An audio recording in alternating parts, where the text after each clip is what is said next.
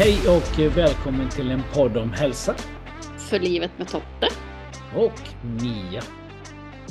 Ja du Mia, då är det dags för ännu ett avsnitt i raden av alla mm. avsnitt. Vi har hållit på ett tag nu.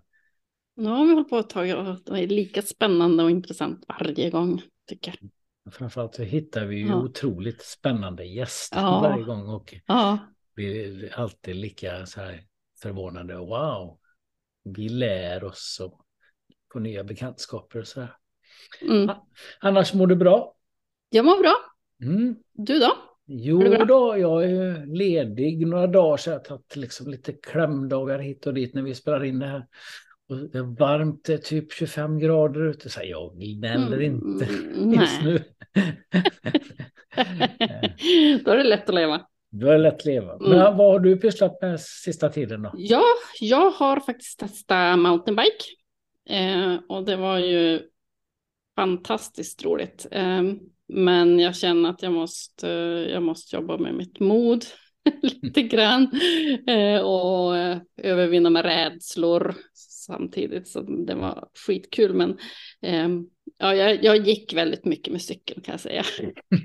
var det mycket downhill? Eller som, ja, jo, det var downhill. Ja, ehm. det är i princip bara det eller? nästan bara down, ja nästan bara. Det var väldigt mycket neråt. Nu kanske jag upplevde att det var väldigt mycket neråt för att jag var lite rädd när det var neråt. Men eh, nej, men det var faktiskt jättekul och jag ska testa igen. Det ska jag absolut göra.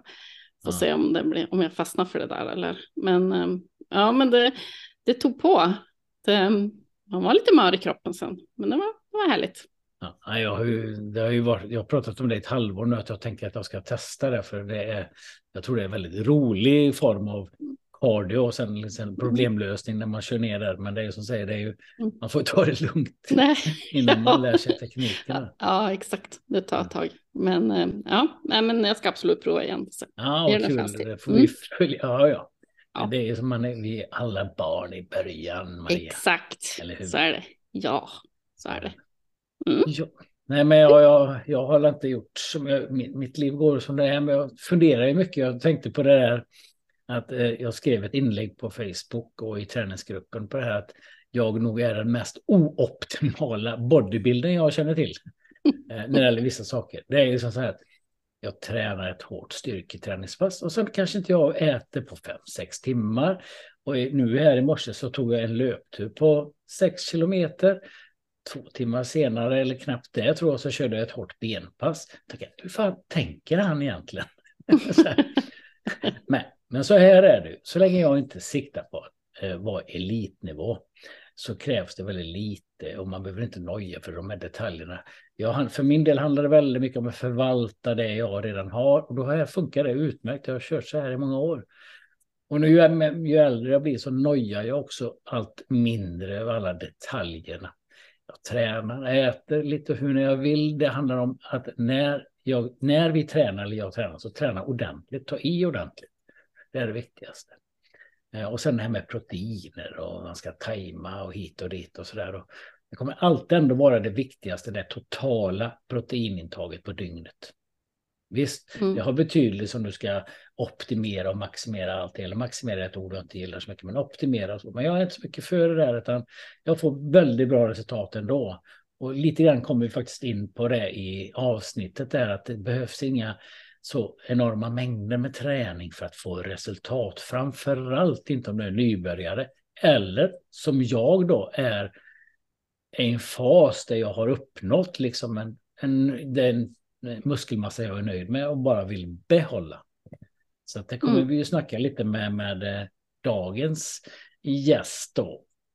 Yes, det kommer vi göra. Med Magnus Cedenblad. Där. Och det jag tänkte var ju lite roligt. Ja, han har ju två saker gemensamt. Då. Vi jobbar båda med KBT mm. eh, som metod. Eh, och sen har vi ju, brukar vi vara vakna större delen av natten till, till lördag, eller natten till söndag, lördagnatten. För, mm. Och han som, eh, ja, det ska vi egentligen eh, inte avslöja, för det, det berättar han ju sen var, varför vi är vakna båda två. Vi har två Exakt. lite olika roller kan man säga. Exakt. Exakt. Men ett väldigt, väldigt bra avsnitt tyckte jag det blev med, med ja. honom. Så, ja. så att vi växlar väl bara över. Det gör så, vi. Så, så, lyssna, så får ni lyssna på avsnittet. Mm. Hallå, hallå! Magnus Sedenblad på andra sidan luren. Hallå, hallå! Hur är det i stugan? hallå, hallå! Jo, det är bra. Jag tänker att du, vi pratade precis om att du har ju varit uppe i natt och eh, gjort vad? Ja, men jag har ju kommenterat eh, UFC, så jag jobbade mellan, vad blir det, tre och ja, sex och tio eller vad det klockan var. Och jag satt ju faktiskt och lyssnade på det. Jag brukar ju följa ja. de här galorna. ja, men det är bra. Så då kanske vi båda är lite trötta.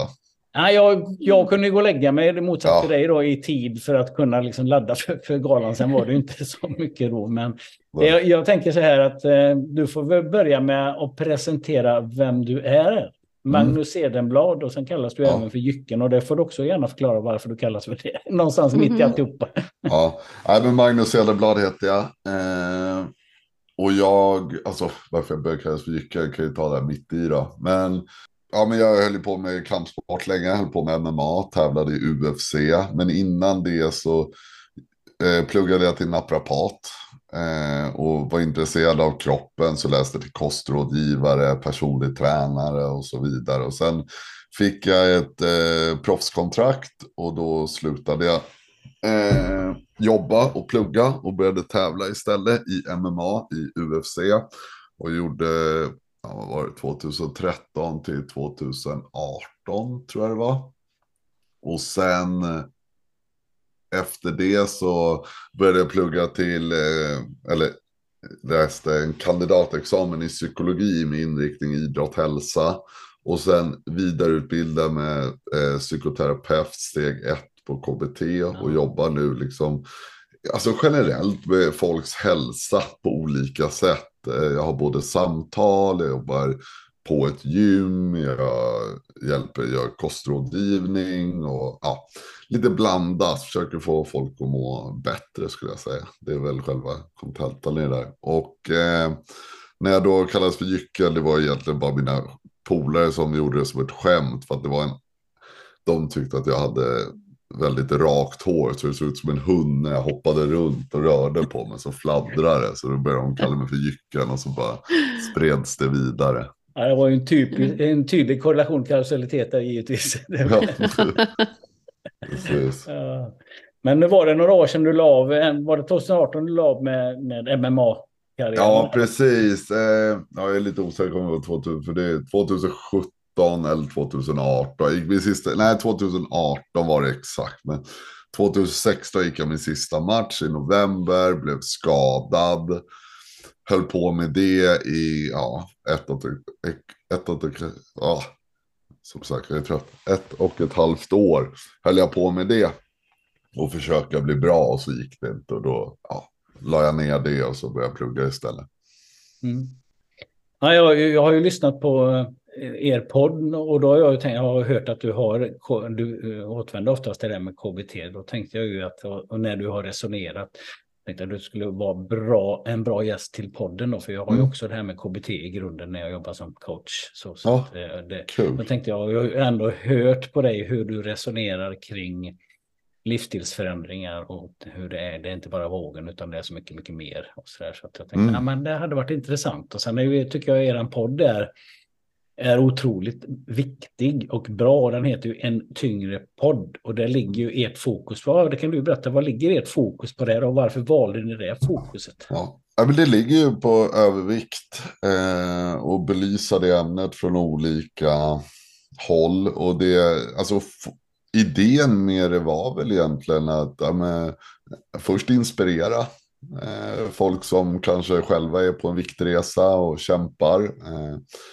och sen informera andra människor eh, om vad, vad det betyder att vara överviktig, hur man kan gå ner i vikt och även då andra som tittar utifrån och har vissa åsikter och synpunkter om överviktiga.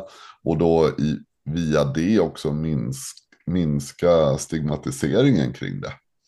Så att, eh, för det är ju väldigt mycket stigmatisering självklart kring övervikt. Och jag vet inte om vi lyckas fullt ut, men kanske en del i det liksom att minska på den och öka förståelsen och medmänskligheten kring det. Ja, det är, det är ju en balansgång tänker jag också göra just den och prata om ett svårt ämne på ett bra sätt eh, så det inte blir eh, ytterligare eh, dömande eller den här stigmatiseringen då som vi kan uppleva finns då. Ja, det, är väl, det är faktiskt väldigt svårt och jag kan också tycka bara att det är svårt just det, det samhällsklimatet vi har också på ett sätt. Att det ibland kan det röra sig om väldigt små ord som hamnar lite fel. Och att man så här, ja, men, jag har haft någon sån och pratat om och jag läser, jag vill hjälpa någon. Ja, men jag vill hjälpa någon som är överviktig. Ja, hjälpa, varför ska de ha hjälp? Mm. Varför behöver de mm. hjälp? Det är inte något problem. Och det är, nej okej, okay, men finnas till, blir det bättre? Och eh, ja, vi pratar också om övervikt och fetma. Fetma har man ju bytt då till obesitas för mindre stigmatisering. Och så, ja, det, det blir många sådana ord ibland som blir väldigt att man hänger upp sig på. Ska man då försöka hamna där mittemellan på något bra sätt. Så.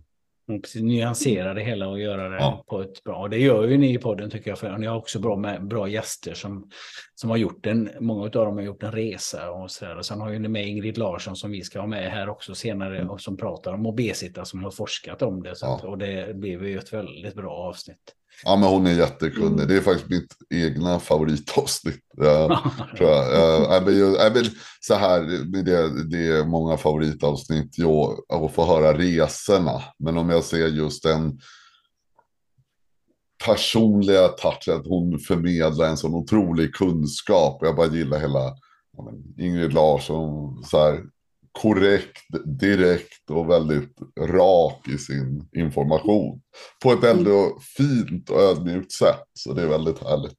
Ja, hon jobbar ju konkret med det här och, och har ju verkligen kunskap och ser också konsekvenserna av övervikt och obesitas, mm. alltså hela den här biten. Och har ju liksom också, hon utgår ifrån vad forskningen säger faktiskt. Ja. Eh, och försöker inte att förhärliga och inte förringa och inte bagatellisera, utan det här där är ju liksom att vad är det som är, vad, vad är, är det för faror för hälsan mm. eh, med att ha en övervikt? Och sen är ju hela den här frågan, hur ska vi tackla problemet? Hur ska vi nå fram till människor som behöver hjälp? Eh, nu sa jag ju det, hjälp. mm. Nej, men det, det, det är okej att säga, det var bara det jag menade att vissa eller vissa. Ja, jag fattar att du tycker det. Ja, men det blir ju så. Eh, och där tror jag också att det är. Alltså, det är inte det personliga lidandet det mm. leder till. Det är det som är, och jag, min egna personliga tro då, vad jag säger, men det är inte, det, vissa säger, men man, vi säger att man får diabetes och hjärt och kärlproblematik och det leder till sjukvård och kostnader och så. Jag ser mer det här, men, livskvaliteten. Mm. Nu vet jag inte vad folk vill leva för liv och så, men jag är övertygad om att de här små nyanserna i livet kommer göra skillnad. Alltså, att man inte orkar göra vissa saker. Och då pratar vi inte bara om de uppenbara, om vi säger så här, men du kan inte klättra upp med ditt barn i klätterställning, säger vi. Eller dina barnbarn, du kan inte springa efter dem och hoppa studsmatta. Vi har också de här små nyanserna, att man kommer hem efter jobbet och ens partner frågar hur det är och man bara, jag orkar inte prata just nu, jag är så trött. Och för att man är trött. Alltså kroppen tar, alltså det är jobbigt att bära runt på vikt. Alltså jag tror, jag tror liksom, alltså muskelmassa kopplat till kroppsvikt påverkar ju. Och jag tror att det är bara skillnad, men jag väger närmare hundringen och jag tror att det är skillnad för mig jämfört med någon som kanske väger 50 och är vältränad, 60 jag har ju mer massa att bära runt på. Jag kanske inte är lika stark förhållande till kroppsvikt till någon som är 60 kilo som har lite mer energi och energisk. Sen är det ju såklart personliga skillnader i det också. Men börjar vi komma uppåt i vikten och muskel, ofta det att man kanske inte tränar riktigt så mycket heller. Så muskelmassan bär inte upp det. Så kommer man hem och man är trött. Man orkar inte vara positiv, man orkar inte vara glad, man orkar inte gå ut och möta vänner kanske på scen. Och då kommer folk säga, jo men det gör jag. Så här, jo, jag tror att det är. Jag tror att om du tar bort 40 kilo, 30 kilo, så kommer man orka lite mer. Vilket kommer leda till att man får mer positiva saker i sitt liv. Ja, och jag tänkte ett nyckelord du sa här, tänker jag, som jag ofta använder själv och som jag gillar, det är livskvalitet. Jag pratar ofta om att jag ska träna och hålla på och äta för att jag ska leva länge. Ja, det är ju en annan sak. Det är två olika saker tycker jag. Ja, ja. Att livskvaliteten är ju precis det. Och jag antar att dina klienter som du har haft genom åren är just det man, där de uttrycker, precis som mina uttrycker, att när man har till exempel tappat 20 kilo, att den energin och orken att orka göra. Och många som söker kontakt till mig är ju också de här som känner att jag, jag vill vara där för mina barn, jag vill kunna mm. göra detta. Och detta är liksom en del av varför man vill göra en förändring. Ja, ja, men absolut. Och jag har ju aldrig träffat någon som just uh, säger så här, ja, nej, men du vet, jag började träna bra, uh, jag åt bra, jag gick ner i vikt och nej, det var verkligen ingenting för mig.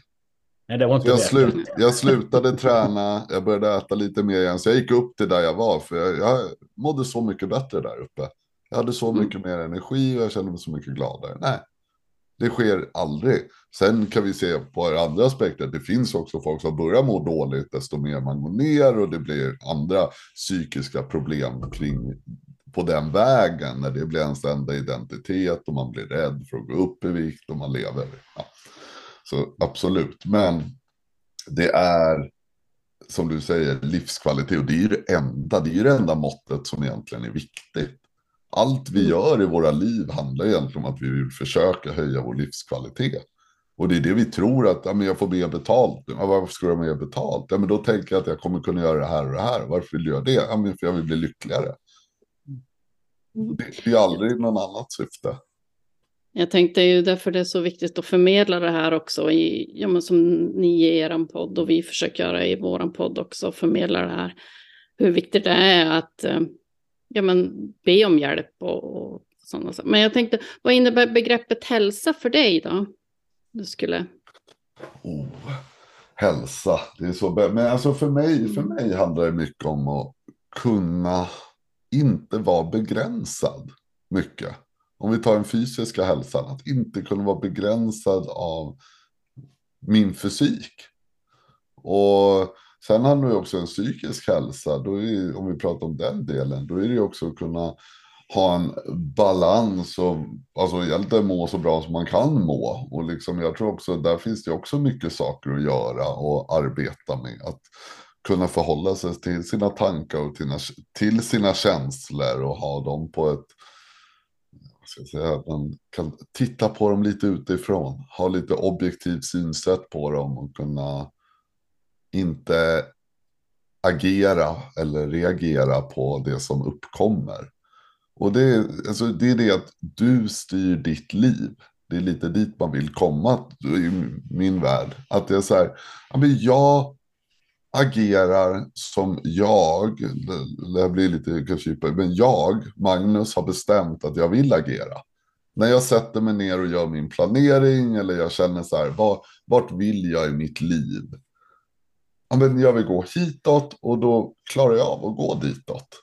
Oberoende av att det dyker upp känslor och tankar på vägen. För det är oftast där problematiken uppstår. Mm. När man inte hamnar där man vill hamna.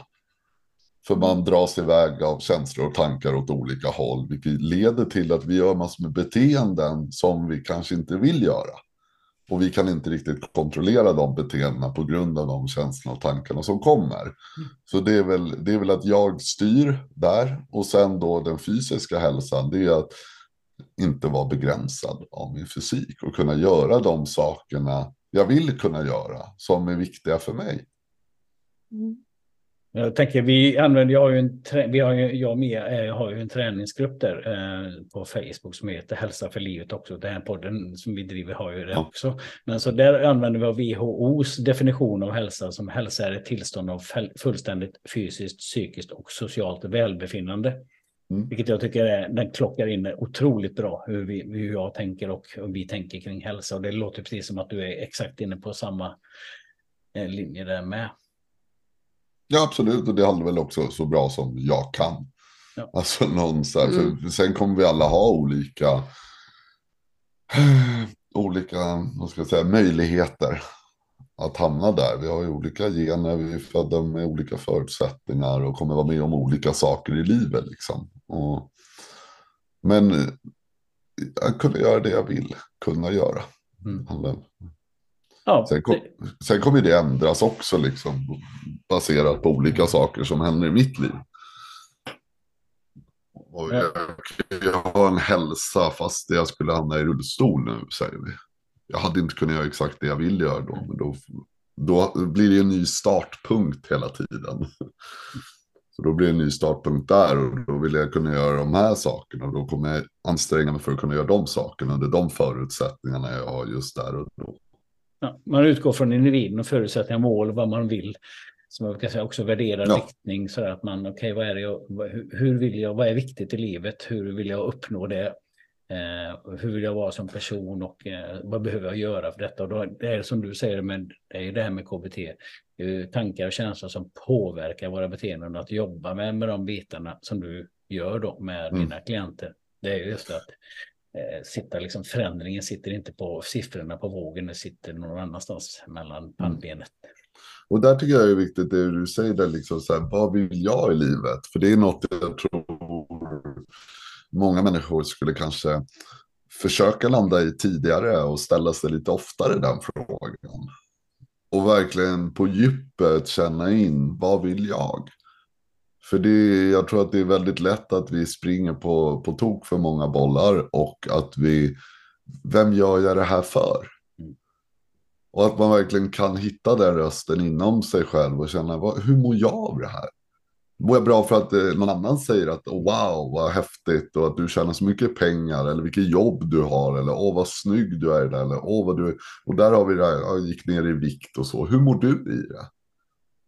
Vad känner du? För det är ofta det som man, de här hejaropen man får runt omkring.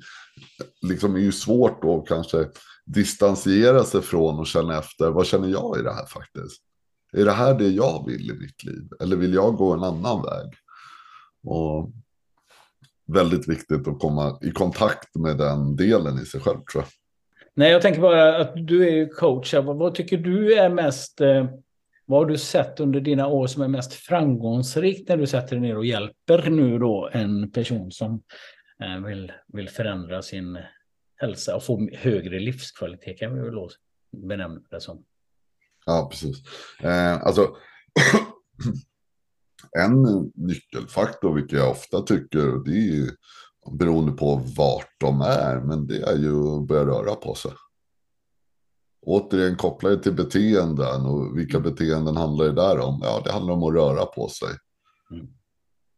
Uh, move your ass, your mind will follow.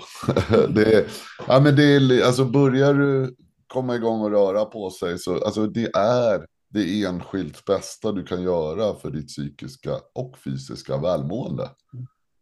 Och det är så viktigt att börja röra på sig. Och det, det behöver inte bara nu handla om att jag menar börja röra på sig i form av träning. Eller gå ut en promenad. Utan börja röra dig mot det du vill.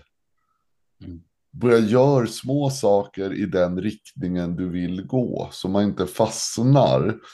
För det här tror jag är ett problem i vårt samhälle. Och vad vi lär ut till våra barn och hur vi eh, pratar kring tankar och känslor. Att liksom det har ett väldigt stort värde. Och vi, ja men du måste ju må bra om du ska göra det här.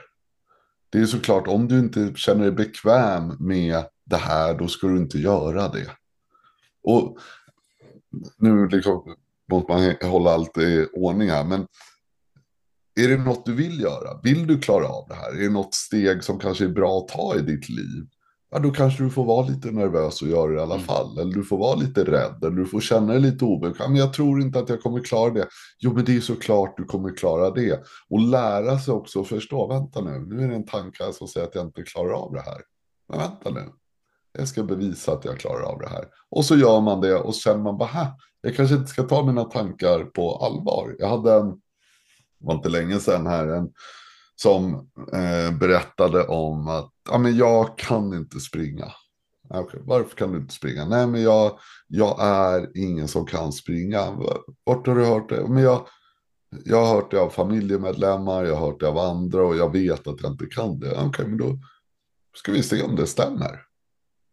Vi tar några steg. Och så börjar man röra så. Ja, men du kan ju. Du kan ju uppenbarligen. Mm. För, det, det där är ju så att säga att diskvalificera sig då för något när man säger just kan inte. Eh, och, och oftast är det så, jo visst kan du. Och mm. då får man ju jobba, jag tyckte det var snyggt, eller liksom man provar, gör det till en liten utmaning som du mm. verkar göra här nu. Att ja, men vi mm. provar, får vi se då. Och så tar man ju bort den där föreställningen som finns i huvudet. Att, och den är ju väl, den är inpräglad uppenbarligen sedan många år då. Nej, men det, ja, jag är, det är inte min grej, brukar många säga. Det är som en gym. Nej, det är inte min grej. Och så brukar jag ju fråga, vad menar du? Nej, men alla kollar på en och jag vet inte hur man ska göra. Och så, jaha, är det det då? Och sen så när jag kommer över den här gymskräcken lite grann. Att, ja, men, om du ber någon visa dig hur det funkar och så här då. Så märker jag att de är inte alls intresserade av mig. Titta på mig sådär. Ja, men nu, det här var ju jätteroligt. Jag vet inte, fått väldigt många klienter att eh, komma över den här. Liksom att, men det är samma fenomen där som du talar om. Att ja, men det är inte min grej. Att här mm. springa, det är inte min grej att göra det. Det handlar väldigt mycket om rädslor eh, i någon slags grund också. Då. Och sen har man intalat sig själv så det har blivit en, en självuppfyllande profetia också många ja, gånger. Precis, sen, sen är det ju generellt att vi tror ju kanske lite för mycket om oss själva och tror att vi är huvudpersoner i alla andra människors liv. alla, att all, alla, alla, alla bryr sig om mig, att det var jag och jag är och de kommer tycka, nej, det, alltså, det är ingen som bryr sig om dig. det, det, låter krasst, men det är ju verkligen så. Ja. I, i, men det är ju det här rädslorna som ligger i grunden och det är ju irrationellt. Eh, ja, men jag, precis. Och jag, jag, men jag jobbar med en del idrottare också, som jag läst inriktning, idrott, hälsa och så. Och, så. Eh, och det är ju samma sak där. Jag, massor, ja, men jag kommer gå en match nästa helg och ja, men du vet att folk ska tycka jag är dålig. Och bara så här generellt, ja men du, du var ju på en gala här för förra helgen. Vem förlorade i match fyra? Jag vet inte. Vem, vem var det? Vem gick match då? Nej, precis. Och det där är du i alla andra människors liv. Det är ingen som tänker någonting om dig. Det, nej, men vi tror ofta att vi är så viktiga att folk kommer titta på mig och jag är. Och jag, nej, det är ingen som gör det. Hur jobbar du med själva, jag tänker beteendet är ju då eh, det som är en, många som behöver en beteendeförändring, en livsstilsförändring eh, och så vidare. Då. Eh, och det handlar mycket om vilka tankar och känslor som ställer till det för oss. Vilka dysfunktionella tankar som gör att man intalar sig själv att nej, men det är inte min grej och så vidare. Det är ju de här tankarna som, ja. som är, om man tar en, en chokladruta, klassiken, liksom, ja men den då kört, jag kan äta upp hela och mm. att man intalar sig saker. Vad tänker du kring, kring det med beteendet? Hur jobbar du med dina klienter kring att förändra själva beteendet och tankarna och känslorna? Ja, alltså lite kort, men det blir ju, alltså beteende hamnar ju mycket i fokus. Eh, först att eh, komma fram till vilka beteenden man vill ha. Eh, vad vill man göra? Vart är det jag vill sträva åt? Hur vill jag att livet ska se ut? Och sen därifrån jobba då med vad är det för tankar och känslor som hindrar dig? I vilka situationer uppstår de och bara få syn på dem. Jag, jag personligen tror ju mycket på det här att komma till det här objektiva och kunna titta på dem utifrån och då via kän på känslor kunna liksom acceptera att de finns där. Och jag tycker ofta den kopplingen brukar landa väldigt mycket snabbare hos folk. Att man förstår att jag är inte skaparen av mina känslor. Det är inte jag som producerar massor med hormoner i min kropp som kommer upplevas av mig på en viss sätt. Utan det uppstår. Alltså jag blir kär random. Jag kan inte välja vem jag blir kär i. Eller jag kan inte välja när jag blir rädd eller när jag ska bli nervös. Eller det kommer. Tankar där, då får man ju ofta jobba lite mer. Och den är ju lite mer intressant också tycker jag. Men mm. så här, jobba på det objektiva synsättet. Vem är jag i det här? Vart är mina tankar? Är det jag som tänker? Eller, och precis som du säger, och det tycker jag är så otroligt uppenbart på något sätt och väldigt enkelt. Men ja, du säger att jag tar en chokladruta och nu kan jag lika bra äta upp allting. Och hur ofta hör man inte, ja, jag är en allt eller inget människa när jag väl har gjort Ja. det. Och så, ja, typiskt, nu är det förstört, då är det ingen idé. Och det här är inte tankar som eh, liksom i alla då, i varje den här given stund tänker själva, utan de tankarna uppstår ju inom alla människor i den stunden i stort sett. Tills man har, alltså det, det uppstår på samma sätt, alltså det är också den här medmänskligheten i det. Att vi tror att vi är någon unik varelse. Ja, men det är bara jag som tänker så här. Oj, det är typiskt mig att jag. Nej, vi tänker alla så där. Det finns inte en enda tanke inom någon människa som är helt unik. Som den är den första personen som har tänkt. Nej, just det med allt eller Nej. inget är ju lite intressant. För, för det är ju också att det diskvalificerar sig då för att ja, men egentligen slippa undan. Att ja, men det, det är antingen det ena eller det andra. Och, då, och eftersom inte det funkar med det ena så, så blir det det andra. Och det är ju hela tiden att jobba med de här tankefällorna. Ja. Som, man, man, som är liksom de här dysfunktionella, de som eh, jag brukar kalla det när jag står vid whiteboarden och ritar, så på tavlan så brukar jag ha en röd penna och en grön penna. Och så brukar jag skriva, de här gröna pennan, det är de här tankarna jag kommer skriva här som kommer föra dig närmare målet Mm. och det, dit du vill. Och röda tankarna, det är de som för dig längre ifrån målet. Då. Så nu ska vi liksom göra en kartläggning och då brukar det bli rätt tydligt. Så, där, liksom, ja, de, så Alltså då utmanar man ju sina tankar och Mm. eh, ifrågasätter och tänker, ja men det där är ju så.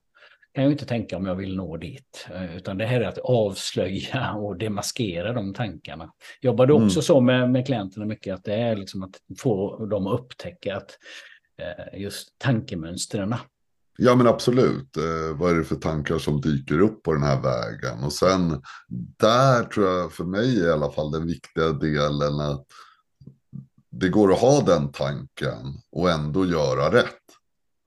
Att man inte ska gå in i varje tanke eller varje känsla och ändra på dem. Men hur ska jag tänka istället? För, jag, för mig är det lite, hur ska jag känna istället då? Mm. Men du ska vara pepp och glad varje morgon du vaknar upp.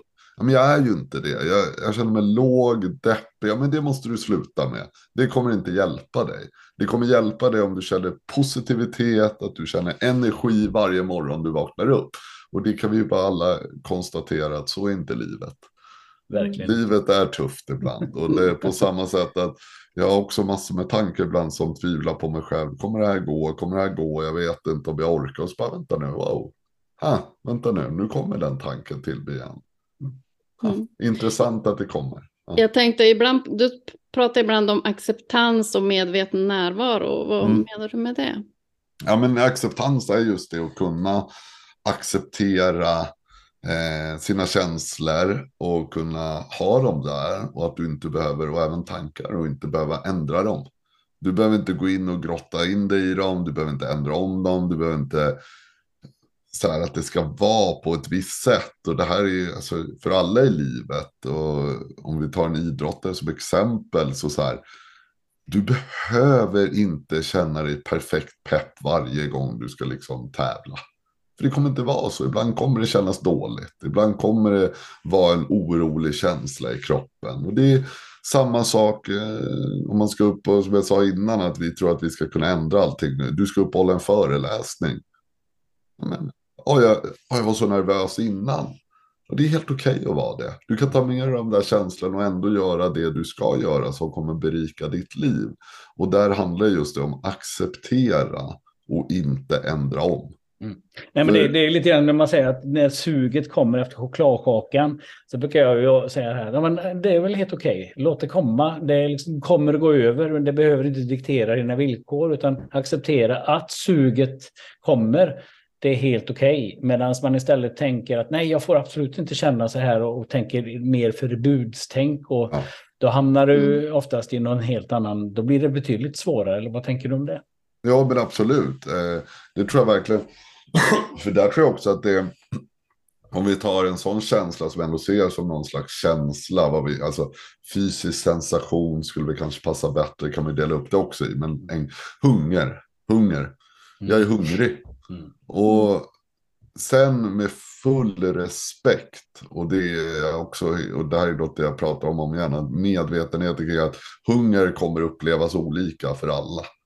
Eh, en, ja, men jag var också hungrig, men jag kunde göra det. Jo, men en annan person kan skrika efter den där, vi säger chokladkakan, och det är väldigt hög, hög volym, som jag kanske brukar jämföra med en stereo som vrider upp.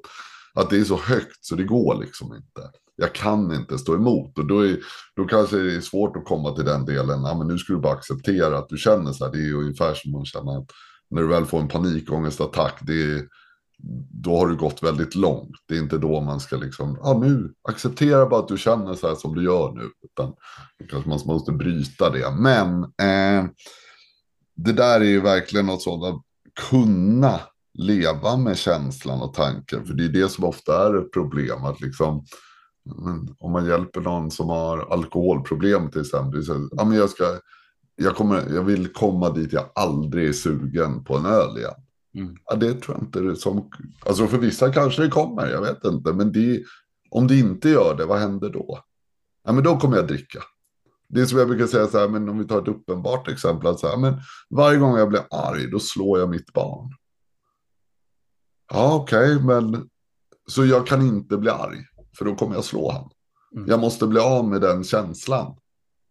Eh, alltså jag tycker bara du ska sluta slå ditt barn. Nej, nej, men så fort jag blir arg, då kommer jag göra det. Det kan gå en vecka, en månad, ett halvår. Men någon gång på den här resan kommer jag bli arg. Mm. Och då måste jag sluta göra beteendet. För det är beteendet som är problemet i mitt liv. Det är inte att jag blir arg. Nej. Det är det som man säger, hunger, och, äh, heter hungerkänslor mm. av en anledning. Det är ju ett sug, det som vi pratade med David Ek här för några veckor sedan, just det har inte kommit än, men då pratade väldigt mycket om det med aptit och hunger och fysiologisk hunger och vad är liksom, det, det handlar om något helt annat, det är känslor eh, som gör att man ah, känner att jag klarar inte, jag måste ha den här, oh, vad det nu är.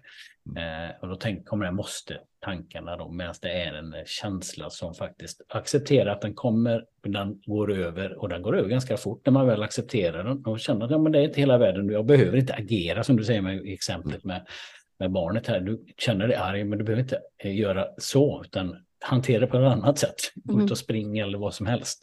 Där har vi också, liksom, för där är ju samma sak om vi kommer in på acceptans. Där det är många, om vi tar att man äter mycket och man äter choklad, det är också känslor som man bedövar via mm. det. Exakt. Ja, men när jag känner mig ensam, när jag känner mig ledsen, när jag känner mig uttråkad, ja, men då äter jag. För det är oftast då, det är inte de här man klarar ju ofta kanske lite bättre de här härliga stunderna. Man mår bra och saker att gör, göra om man är mitt eh, engagerad i någonting.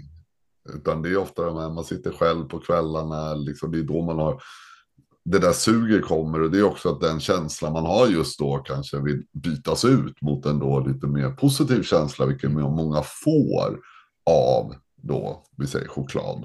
Mm. Och sen efter det då kommer den tanken, ja ser du nu misslyckades du igen. Och då kan du lika bra ge upp och då kommer den tanken och då blir man lite låg på det och då leder det för hur, bota, hur tar vi bort känslor? Jo, genom att äta. Så då äter man ännu mer.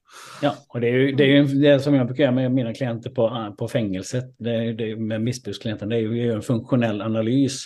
Och då är det att man hela tiden ja, beteende, jobbar med beteende och tankarna och vad som påverkar, så är det de här kortsiktiga omedelbara belöningarna som ställer till det hela tiden. Utan det, hur får jag verktyg till att kunna kolla långsiktigt vad är det jag vill? Eh, och, och liksom jag brukar prata om Bob, beteende omedelbar belöning. Det är ju han som kanske står där på axeln och säger men ta nu lite, det här är inga problem. Och så dövar man sig. Både jag och Mia är ju, är ju nyktra alkoholister sedan eh, ett decennium tillbaks mer än det. Så vi har ju mm. liksom även den här, vi vet ju precis det här med att vara sugen mm. eh, och acceptera att man är det. Det är inte, det är inte farligt. Nej, det där är intressant tycker jag också. Suget är olika starkt. Mm. Jag tänkte, hur ser en vanlig klient ut för dig då? Är det oftast viktnedgång som gäller eller har du?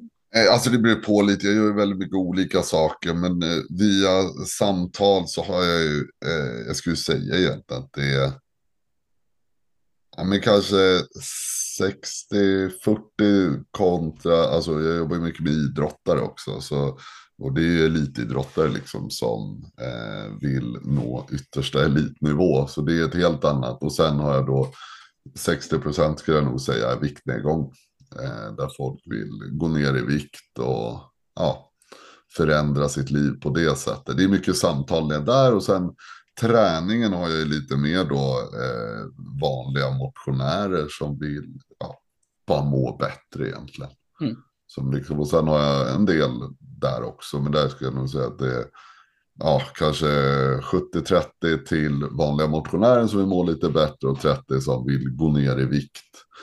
Eh, via, alltså, ja, och komplettera då med träningen, för det vet vi vid det här laget att träning inte så nyckeln där, det är inte viktnedgång vi pratar om där, utan Exakt. där pratar vi om fysisk välmående. Det kommer vi ha ett helt avsnitt om. Jag har skrivit jättemånga om detta med Gudiol. Jag skrev till honom bara häromdagen. Kan inte vi ha ett helt avsnitt om träning är ineffektivt för viktnedgång? För, för det är ju en av myterna som fortlever och så tror man att jag ska träna mig mer. Och det, träning har sitt syfte och kosten och viktnedgång ett annat syfte. Kan jag säga. båda sakerna är jättebra för hälsan, så det ena utesluter inte det andra. Det bästa man går hand i hand. Då. Ja, men precis. Det är två olika saker och jag ser någonstans att båda, eh, för att optimera fysiska välmåendet så ska ju båda skötas och ta hand om. Men det fyller två olika syften liksom.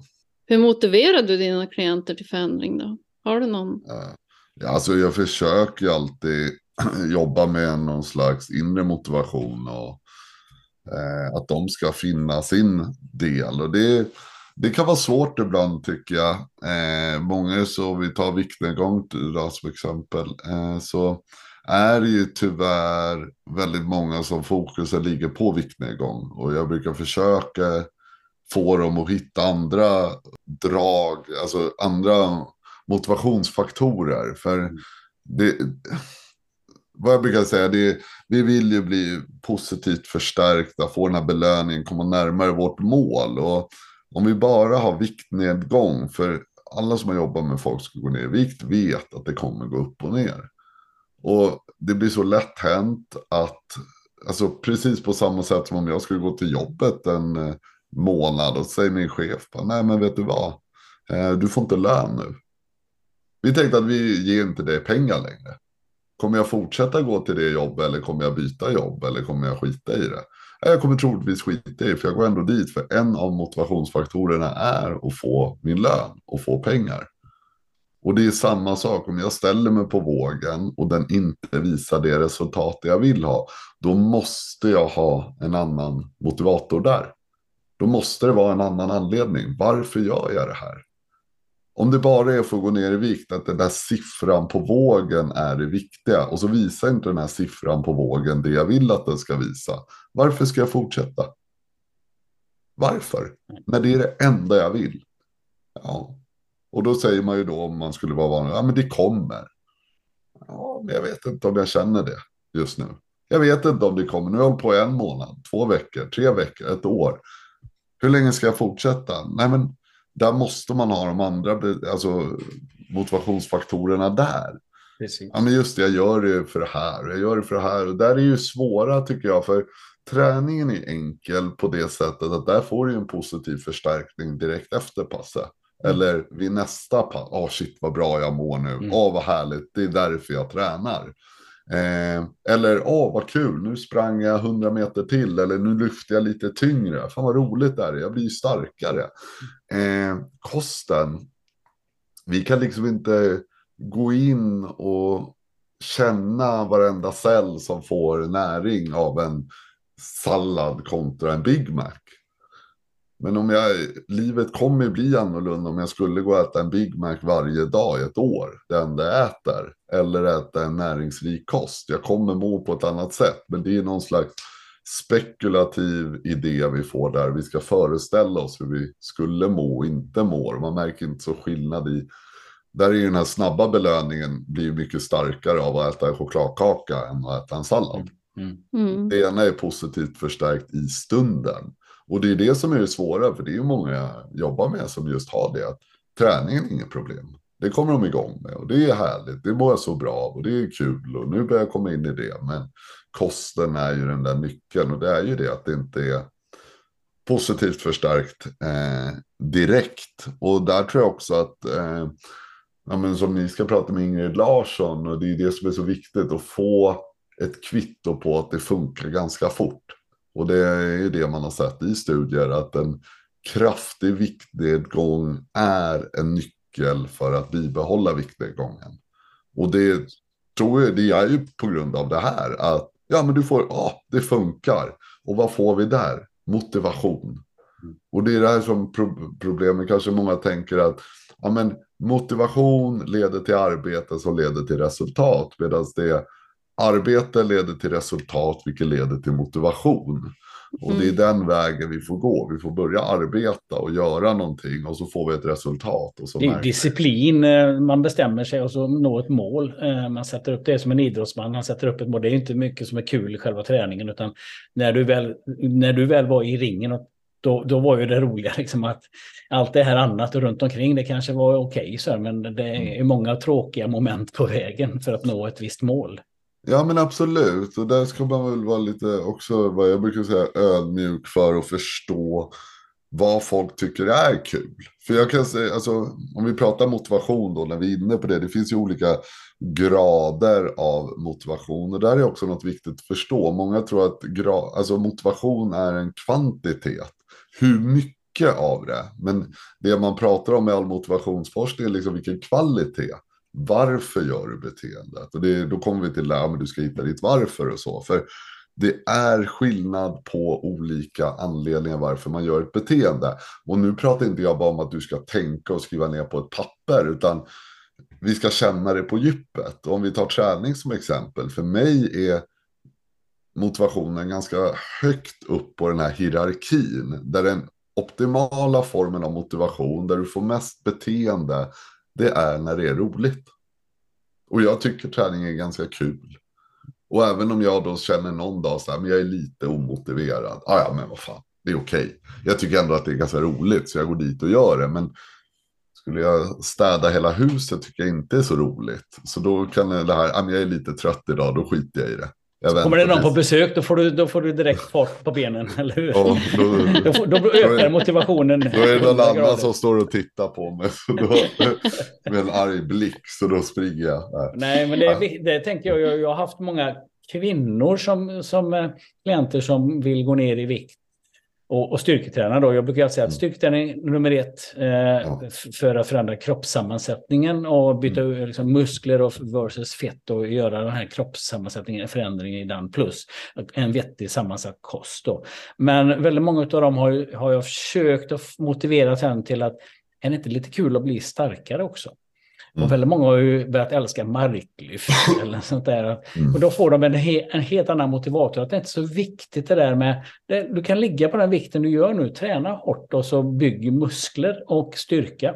Det gör du väldigt bra om inte det är någon väldigt kraftig övervikt. Då. Men om vi säger att du har en 10-15 kilos övervikt så är inte det någon akut eh, fråga att gå, behöva gå ner i vikt till början Utan börja träna hårt och byta ut eller skaffa mer muskelmassa så kommer det här andra sen och du tränar jättebra. Det blir väldigt anabol miljö, muskelbyggande miljö att ligga på de kalorier du gör idag.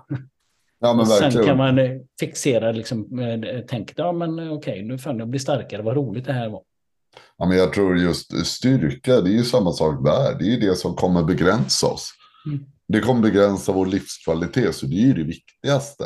Och det är viktigt att förstå varför tränar jag? Men alltså det är också att bli stark. Varför ska jag bli stark? Ja, men för att du ska kunna resa dig, för att du ska kunna springa, för att du ska kunna hoppa, för att du ska kunna göra alla de här beteendena. Det är styrka som kommer begränsa dig. Det är inte hur du ser ut. Det kommer inte begränsa dig att komma upp från golv om du har ramlat eller ta emot dig när du faller. Det är att du är starkare. Mm. Jag tänkte, ni hade ju Ingrid Larsson som eh, näringsfysiolog i ett avsnitt där. Mm. Eh, hon forskar ju kring övervikt och vad, vad, tog du med dig från det avsnittet? Eh, alltså jag tog mycket med mig att Ingrid var en fantastisk människa och väldigt härlig. Men alltså mm. sen det vi pratade om. Det var därför om... du misslyckades med inspelning så att du fick göra, göra om det. Precis, jag vill bara prata med henne igen. eh, nej men det, alltså om vi säger det, det jag tycker, det är det här att en snabb viktnedgång eh, är väldigt viktig för att få den motivationen. Eh, och det är fortfarande, tycker jag, något som folk ser lite, ser ner på. Att det, alltså, Och jag tycker att det, man ser så många som bara, det ska vara en långsam och lång viktnedgång. Att det är liksom, eh, det ska inte gå fort. Ja, det, tydligen är det ju tvärtom enligt forskningen, att det ska gå fort i början. Och speciellt tror jag när man har en kraftig övervikt. Att man eh, bär runt på 50-60 kilo för mycket. Mm, mm, mm. Man liksom, ja men låt det ta tid. Ta ett halvkilo i veckan. Och det, det, alla vi som jobbar med vet att bara ett halvkilo i veckan eller ett kilo kommer vara ansträngande.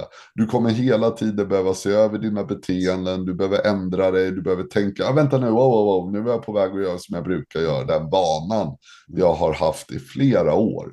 Så jag ska göra det långsamt och metodiskt, så då, ja, vi säger 50 kilo, ett halvkilo i veckan, 100 veckor. Mm konsekvent arbete. Ett lidande i hundra veckor istället för en liten kortare period med högre underskott. Ja, men precis. Ett högre underskott och just som jag säger också föda den här motivationen. Mm. Ja, men shit, fan vad roligt. Wow, helt plötsligt känner jag att jag orkar ju, som Ingrid sa där, många säger, jag kan knyta skorna.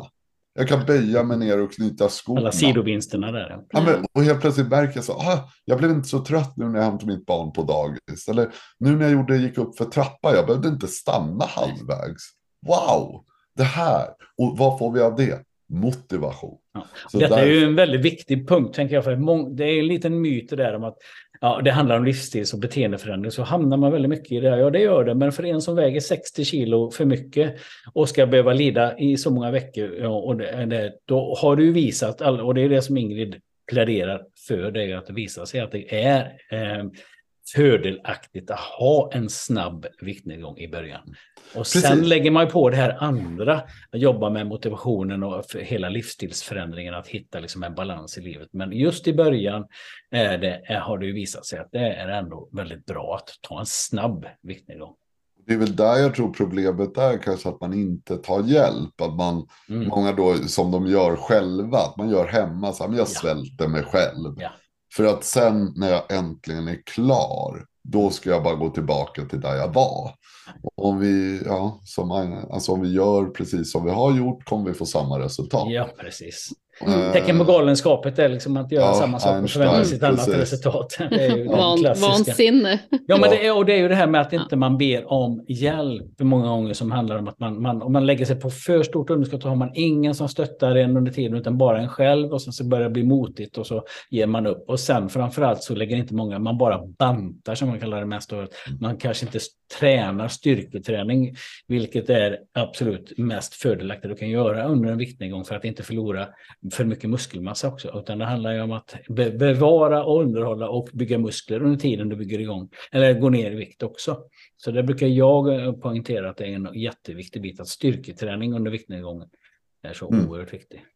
Absolut, jag håller med dig. Ja, men jag håller med om styrketräning är viktigt, är viktig. Sen är det lite alltså beroende på vart du är och hur mycket du gör. Och där tror jag verkligen man får vara lyhörd och mm. absolut, det tycker jag också något eh, de mest flesta gör fel. Jag tycker att de tränar på tok för mycket volym ja. egentligen mot vad de ja. behöver göra. Att, och det är det här som också blir så konstigt. Samma sak där. Ja, men man behöver göra så mycket. Nej. Nej. Alltså jag tänker 80-20-regeln. 20 procent av jobbet ger 80 procent av effekten inom det mesta. Mm. Så du kan liksom så här. Du behöver göra ett, två sätt.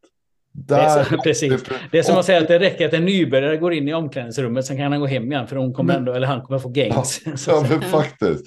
Men det är så viktigt att förstå, men jag måste göra, nej, nej, du behöver inte göra så mycket.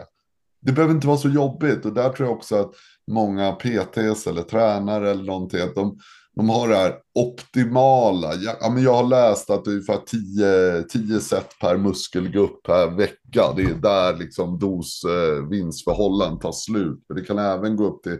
Och så bara, men, på riktigt, om jag inte tycker det här med motivationen. Jag tycker inte att det är så kul att träna. Och alla behöver inte tycka att det är kul att träna. Och alla kommer inte tycka att det är kul att träna. Det måste vi ha full acceptans för och förståelse för. Men däremot de hälsovinsterna du går eller får av att gå till gymmet en kvart. Mm. Du kan vara där en kvart. Du kan köra ett set bänkpress, ett set knäböj, ett set marklyft och ta i och så går du hem. Och det tar, ja vad tar det, åtta minuter? Nej, men det är ju den där föreställningen om att det är så extrema mängder man måste tillämpa. Och så just det, man ser ju oftast ny, som ny, under ny, efter nyår där att då står de ju som du kanske kör åtta pass i veckan liksom, och, och sen så tröttar man efter en, två månader för att man sätter ribban för högt. Men alltså jag säger alltid två pass i veckan eh, om du inte har tränat innan och så kanske 30-40 minuter. Tre pass om det funkar. Sen bygger du på om du känner att det här är roligt och nu har du fått in rutinerna. Ja, då kan ja. man bygga på. Har du träningsvana så är det en annan sak. Men när man nybörjar så det är sagt då hela tiden utifrån personen, individens förutsättningar det handlar om. Jag älskar ett uttryck som jag brukar alltid köra med till folk. Och det jag tycker att det är så återkommande. Det är så här, vi människor överskattar vad vi klarar av på kort tid. Men underskattar vad vi klarar av på lång tid. Och det är precis när man börjar träna. Att, ah, men jag vill ju se resultat, jag vill komma in i och jag vill bli mm, mm, starkare. Mm. Så här, gärna nu. Eller om en månad, två månader. Men ge mig fem år. Alltså jag tänker alla som kliver in på gym. Alltså jag tänker så att jag, jag är 40 nu. Jag tänker att jag kommer, snittåldern är väl 82 eller något. Så vi säger 40 år till.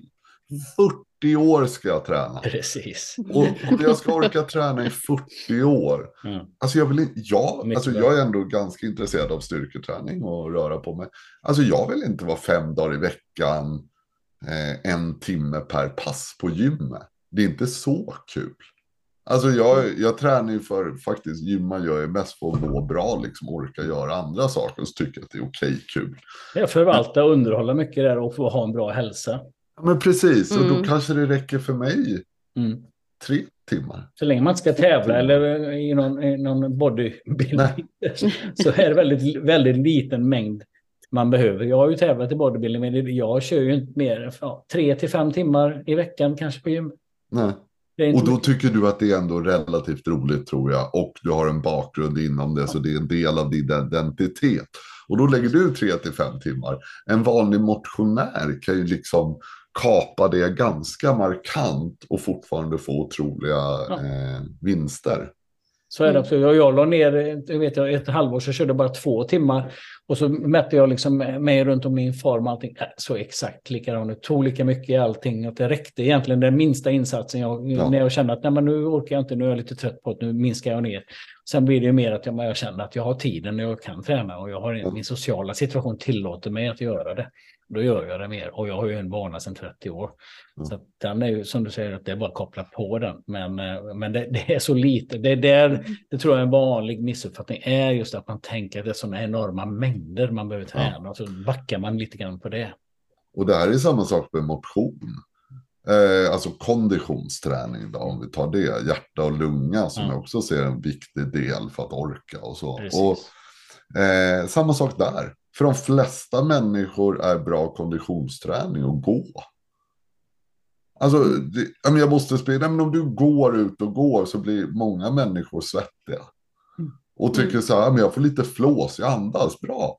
Om du gör så en timme per dag så kommer du må väldigt mycket bättre. Sen då för optimalt skulle du kunna lägga in då, om det tar lite lång tid, lägga in några snabba intervaller. Men samma sak där. För de flesta människor är max 30 sekunder max kommer ge mer effekt mm. än de här långsamma tråkiga joggingturerna på 30 minuter som du ändå inte uppskattar.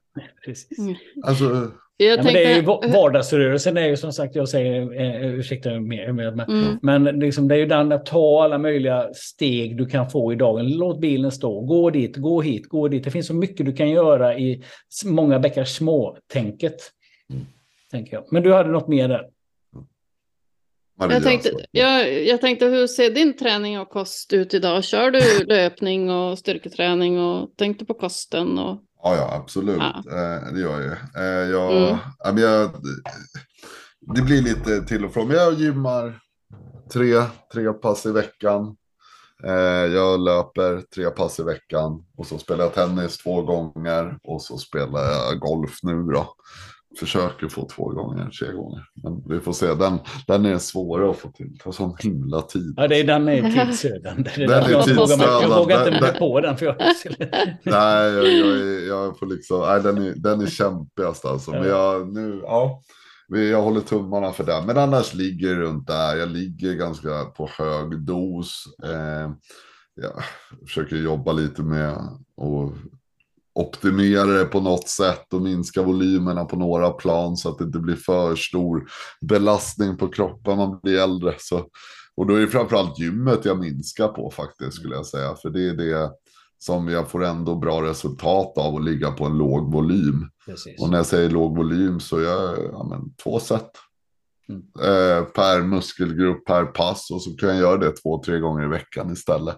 Mm. Det är någonstans där jag ligger. Eh, var specifik. Och sen kosten tänker jag absolut på vad jag äter. Jag gör ju lite olika insatser emellanåt. Och, liksom, och för mig handlar det också där om att bibehålla. Och jag tror att det här, och ibland vill jag gå ner lite och så här, men jag, och det är mycket för känslan. Jag spelar mycket tennis och tävlar på en motionär nivå får jag ändå säga. Men eh, jag är snabbare. Alltså jag känner mig mycket snabbare om jag ibland går ner några kilo. Eh, och även på löpningen ibland, jag, jag har lite grejer med polare, att vi springer lite lopp och tävlar lite med varandra på olika distanser. Och då verkar det också otrolig skillnad om jag bara tar ner tre kilo till det. Och det här är liksom, det här tror jag är viktigt att förstå. Och det är det här som ibland jag tycker hamnar fel med vikten och så. Att det här, ja, men du ska ju vara nöjd med den du är och det du väger. Du ska, mm. Nej, men alltså, det här är inga motsatsförhållanden. Att vilja göra något annat och vara, miss eller att vara nöjd. Det är ingen motsatsförhållande. Jag eh, älskar mig själv. Jag tycker det är fantastiskt som jag är. Jag, är faktiskt, jag tycker väldigt bra om mig själv. Jag har väldigt mycket, om man säger självmedkänsla. Jag, alltså, jag gillar verkligen mig själv som människa. Jag tycker jag gör ett bra jobb här i världen. Eh, och, eh, och ändå vill jag gå ner i vikt ibland det är inte att jag gör det för att jag hatar mig själv eller tycker att jag är så dålig, utan jag ser vissa så här, men jag tycker att det är lite roligt till och med ibland. Alltså, ja men fan nu ska jag gå ner, och det vi pratar nu, det är löjliga, så tre, fyra kilo kanske, max. Det är ju den här polariseringen som du pratar om lite grann, att det har blivit så fort man säger att man ska gå ner i vikt, men du ska vara nöjd med dig själv. Ja. Ja, jo, men och det blir så kategoriskt allting, att man ja. hamnar i någon, en onyanserad diskussion varje gång. Och det här är, får jag bara nu, för just det du säger, det här är mycket jag stöter på, att det är sådana bestämda saker. Ja, men vi, vi, säger då att jag dricker själv shakes. Först dricker jag proteinshakes, det har jag gjort hur länge som helst. Och det kan ju folk ofta ha förståelse för. Men jag, jag dricker ju måltidsersättare också emellanåt. Och det är det är en sån grej som folk, så här, när jag börjar prata med folk ibland, och så ställer jag alltid den frågan, hur ser du på det? Eller, nej men det är ju ätstört beteende. Direkt. Ja, men alltså, Får du en diagnos. Precis, så att mm. man sätter då en label på någonting, och så säger jag det. Men om, och det här är viktigt att förstå varför du gör någonting. Och då är det så här, ja men, ja, men jag jobbar på gymmet ibland och då har jag liksom fulla dagar och ibland har jag ingen lucka och ibland har jag en kvarts lucka och jag jobbar inne i stan i Stockholms innerstad och istället för att springa ut en kvart och hetsäta någon mat som kostar också 150-200 spänn som inte liksom jag bara får slänga i mig eller ta en macka på hörnen så bara, ja, men då har jag en måltidsersättare som innehåller det jag vet att min kropp mår bra av. Så då skakar jag den och så dricker jag den på två minuter och ska jag sitta och andas i åtta minuter och bara ta det lugnt och känna så här, ha, det var skönt. Och helt plötsligt, ja men det låter ju inte så ätstört. Nej, och det här är viktigt att inte sätta en label på, för det är det man tror att, ja men gör man det, då är man, nej men vad är bakgrunden? Det är ju bara att ta som att tvätta händerna. Mm. Om någon hade sagt så här, men, ja men varje gång jag kommer in i en affär eller när jag kommer hem, då har jag lite sprit på händerna som jag tvättar. Hade du sagt det för sex år sedan, mm. eller vad är det nu? Då hade folk bara, va? Vadå, tar du sprit på händerna fyra gånger per dag? Ja, ja, och så tvättar de kanske fem, sex gånger, tio ja, gånger per dag. Det är klockrent OCD mm. där. Precis, det är också, du har ju problem. Måste du, ja, men jag, jag, känner att jag vill ta sprit på händerna så fort jag varit ute så jag inte får några bakterier eller basiller på dem. Ja. Och jag gör det med mina barn och min respektive. Vi har en sån hemma. Ja, det är ju jättestört beteende. Men sen kom covid och helt plötsligt gjorde alla det hela tiden och helt plötsligt har du en förklaring till varför du gör det. Och då är det inte ätstört. Så ett beteende i sig är inte ätstört. Det är varför du gör det som kan då vara problemet. Och det är viktigt att förstå varför du gör beteendet och också ha en förklaring till det. Mm. Jag tänkte eh, så här avslutningsvis, då, kan du ge tre tips för en hälsa för livet? Vad skulle du Eh, säga där? Ja, vi brukar alltid avsluta med det i Mm. princip. Att några tre tips som du skulle ge. Och då är det så här, först, eh, verkligen, verkligen försök att förstå och känna efter vad du vill göra med ditt liv. Och förstå vilken väg du vill gå. Och sen fokusera på vad du ska göra. Och sen att röra på dig. Det är det jag skulle säga. För det, det kommer leda till så många andra positiva delar i ens liv. Så det kommer vara den stora nyckeln tror jag. Kom på vad du vill göra, vilka beteenden som ligger på den vägen som tar dig i den riktningen. Och sen börja rör på dig. Och som jag sa, rör på dig är då alla delar. Att vi rör oss mot någonting som vi vill ha i vårt liv. Mm. Och istället för att då, som många tyvärr, att man gör något för att undvika. Man har en piska i ryggen. Försök att finna din morot i livet. Ja. Mm. Det som motiverar på lång sikt. Mm. Bra tips. mm, Bra tack. tips. Och Mm. eh, nu har det gått en timme. Ja, perfekt. Tiden går fort. Så, nej, men, eh, jag tycker det var jätteintressant att höra dina tankar, att du utvecklar hur du tänker kring de olika frågorna som vi har gått igenom här. Så eh, jag tycker att vi, vi avrundar, eller vad säger du Mia? Ja, jag är nöjd. Det var väldigt, väldigt intressant att ha dig med. Tack Ja, så men- hemskt mycket. Ja, tack så jättemycket att jag fick vara med. Jätteroligt. Ja, det var skitkul att ha med dig. Mm. Så, Ja, Mm. det, vem vet, vi återkommer kanske igen där. ja, jag ser fram emot det. Och lycka Tack så, till med podden i framtiden. tack så jättemycket. Ha det bra. Ha det bra. Detsamma. Hej. Hej. Ja, då var ännu ett avsnitt av podden klart. Och det som både Mia och jag talade om efteråt det är Magnus skönt avslappnade inställning i kombination med klokhet, kunskap och ödmjukhet inför det här med träning, kost och hälsa. Inom KBT så är en grundtes att våra beteenden är inlärda. Och oavsett om handlingen är negativ på lång sikt så fyller den en funktion på kort sikt. Jag brukar kalla det för BOB-beteende, omedelbar belöning. Det kan till exempel handla om att min dagsform eh, är, är lite kass. Det kan vara att jag har sovit dåligt, inte fått mitt morgonkaffe, hungrig, jag kanske grälat med någon, min partner. Allt det här gör mig något sämre rustad för att motstå omedelbara belöningar, impulser. Och vi kanske faller för frestelser att välja en handling som sabbar för oss, som för oss längre ifrån våra tänkta mål. Och våra in beteenden är ju inlärda. Tankar och känslor som styr våra handlingar handlar det många gånger om att identifiera dessa dysfunktionella tankar och känslor som leder oss från våra mål och lära oss att hantera situationer på ett sätt som hjälper oss att nå våra mål. Och det jag numera kallar istället för värderad riktning. Vad är viktigt i livet? Vad tycker jag är viktigt i livet? Och hur vill jag vara som person? Och hur kommer jag dit? Jag tycker Magnus exempel här med, med ilska och att agera på den impulsen när man slår sitt barn eh, eller inte illustrerar vad jag menar. Känslan, ilska, den har jag. Men det är självklart för oss alla att vi inte agerar ut den genom att slå barn. Vi kan alltid välja att agera annorlunda känslor. Kan vi inte välja, de kommer, vi kan acceptera dem, men vi kan också välja handling. Det är som jag säger, vi har våra tankar och känslor. Vi är inte våra tankar och känslor. Om du misslyckas med något så innebär det ju inte heller att jag är misslyckad. Det är lättare sagt än gjort det här, jag förstår det. Och jag vet det. Nåväl, jag hoppas att ni som lyssnat på det här avsnittet och tyckte att det var good shit eh, fortsätter att lyssna och sprider den till andra på sociala medier. Den här podden har även en Facebookgrupp som heter Hälsa för livet, samma som poddnamnet då. Sök gärna dit och kolla upp vad det är för något. Men, men, tack för att du lyssnat. Ha en bra dag.